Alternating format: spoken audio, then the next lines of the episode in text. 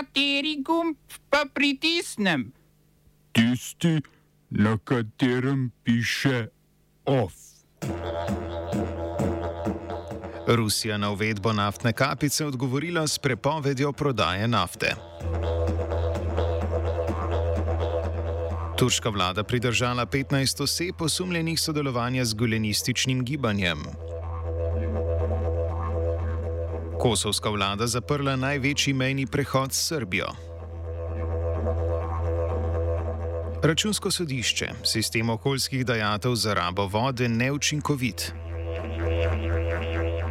V kulturnih novicah natečaj za izvirna dramska besedila.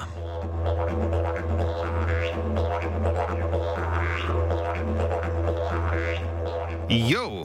Rusija je prepovedala prodajo nafte državam in organizacijam, ki so uvedle naftno kapico na uvoz ruske nafte. Prepoved bo veljavna za obdobje petih mesecev, od 1. februarja do 1. julija prihodnega leta. Odločba ruski vladi omogoča, da državam, ki jih doleti prepoved, vseeno dodeli posebno dovoljenje za nakup ruske nafte in naftnih derivatov. Kapico so 5. decembra sprejele članice skupine G7, Evropska unija in Avstralija. Unija je poleg tega sprejela tudi embargo na uvoz ruske nafte po morju. Kapica pomeni, da države sočka nafte iz Rusije ne smejo kupiti za več kot 60 dolarjev ali 56 evrov. Cenovno kapico naj bi Zahod skušal uveljaviti tudi pri ruskem pomorskem izvozu v tretje države, saj večina zavarovalnih agencij za ladje prihaja iz držav G7, konkretno Združenega kraljestva. Za nafto, dobavljeno po naftovodih, velja izjema od kapice.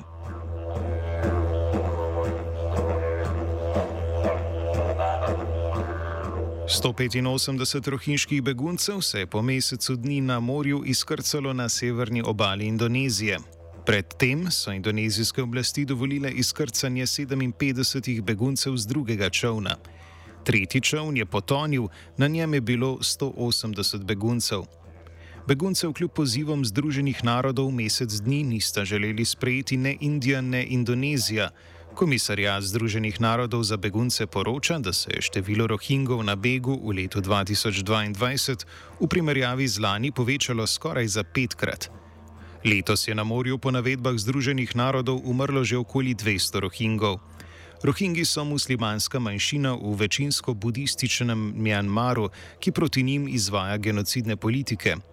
Samo od leta 2017 je državo zapustilo skoraj milijon rohingov, Daleč največ jih je v Bangladešu in Pakistanu, sosednje otoške države, kot sta Indonezija in Malezija, pa njihovo sprejemanje zavračajo.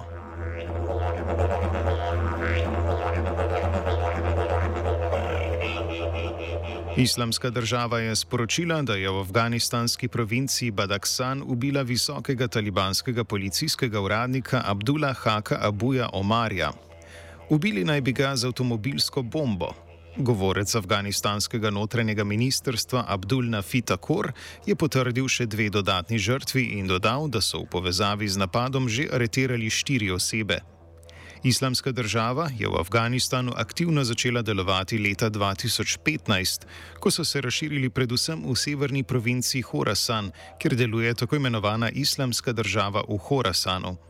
Teroristični napadi islamske države v Afganistanu so postali bolj pogosti po talibanskem prevzemu oblasti avgusta 2021.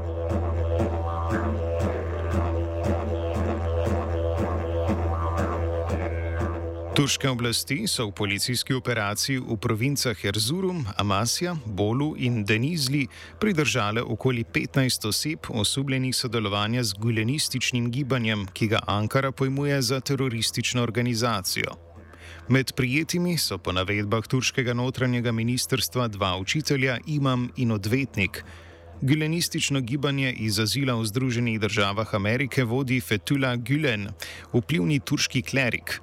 Gülen je trenutnemu predsedniku Turčije Recepu Tayyipu Erdoganu pomagal pri prihodu na oblast, gülenistično gibanje pa je tesno sodelovalo s takratno Erdoganovo vlado. Leta 2013, ko je Gülen kritiziral odziv vlade na proteste v Carigrajskem parku Gizi, pa je med tesnima zaveznikoma prišlo do spora. Leta 2016 je del turške vojske izvedel neuspešen državni udar, za katerega je Erdogan obtožil Gilena. Ta je upletenost zanikal in dogodke obsodil, vseeno pa je sledil pregon vseh, ki so bili kakorkoli povezani z gilenističnim gibanjem. Po navedbah turškega notranjega ministra Sulemana Souluja so oblasti zaradi povezav z gulenisti pridržale okoli 332 tisoč ljudi, od tega jih okoli 19 tisoč služi zaporne kazni.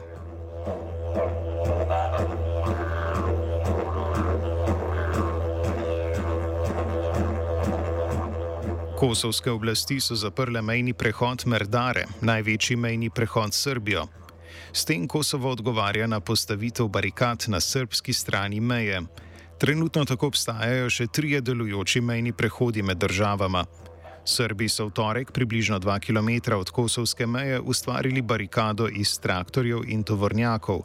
Nova barikada je bila postavljena le nekaj ur po odredbi srpskega predsednika Aleksandra Vučiča za polno bojno pripravljenost srpske vojske. Kosovski Srbi so v torek postavili še dve novi barikadi v bližini severne Kosovske Mitrovice. Barikade sledijo odločitvi o postopni preregistraciji vozil s srpskimi tablicami na severu Kosova, ki jo je novembra sprejel kosovski premijer Albin Kurti. Smo se osamosvojili, nismo se pa osvobodili. Da se naštejemo še 500 projektov izpiljene modele, kako so se strani nekdanje LDS rotirali. Ko to dvoje zmešamo v pravilno zmes, dobimo zgodbo o uspehu. Takemu političnemu razvoju se reče udar. Jaz to vem, da je nezakonito, ampak kaj nam pa ostane? Brutalni obračun s politično korupcijo. To je Slovenija, tukaj je Slovenija, Slovenija. Računsko sodišče je ugotovilo, da Ministrstvo za okolje pri zagotavljanju sistema okoljskih dojatev za rabo vode ni učinkovito. Revizori so ugotovili, da zakon o vodah ne zagotavlja sistemske ureditve določanja vodnih pravic, saj ne določa objektivnih kriterijev za določitev vrste sodne vodne pravice.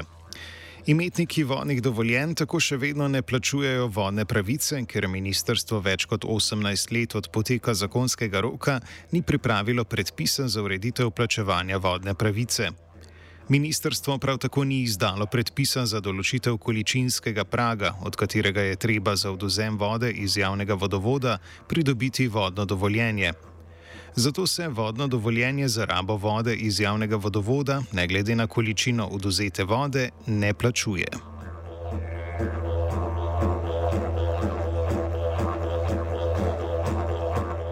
Vlada je sprejela osnutek novega zakona o čezmejnem izvajanju storitev. Na ministrstvu za delo so pojasnili, da je bil predlog zakona pripravljen s ciljem celovite obravnave položaja napotenih delavcev pri opravljanju čezmejnih storitev, ki jih za svoje naročnike v drugih državah članicah Evropske unije zagotavljajo slovenska podjetja. Po utemeljitvi ministrstva predlog zakona zagotavlja enako obravnavo delavcev glede na naravo izvajanja dela. Zato osnutek prinaša tudi črtanje določbe v zakonu o pokojninskem in invalidskem zavarovanju, ki zdaj omogoča, da samo določeni napoteni delavci plačujejo prispevke za pokojninsko in invalidsko zavarovanje od nižje osnove. Takšno razlikovanje med kategorijami delavcem se ministrstvu zdi neustrezno in je celo ustavno sporno. V praksi je določba delodajalcem omogočala, da delavcem napotenim v tujino niso plačevali prispevkov od dejanske plače, ampak od plače, kakršno bi za enako delo prejemali v Sloveniji. Na ta način so delavci prejemali nižje pokojnine.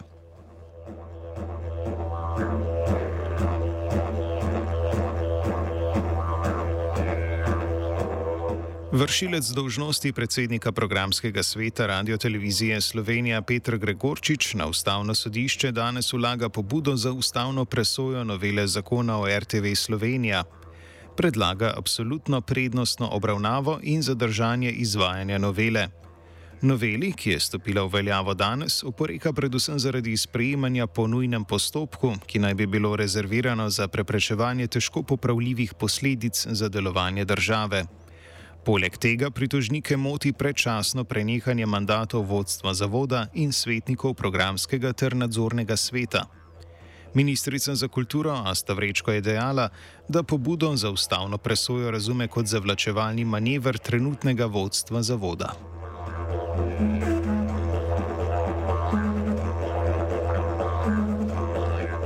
Off je spisal vajenec Filip, pomagal je Fin.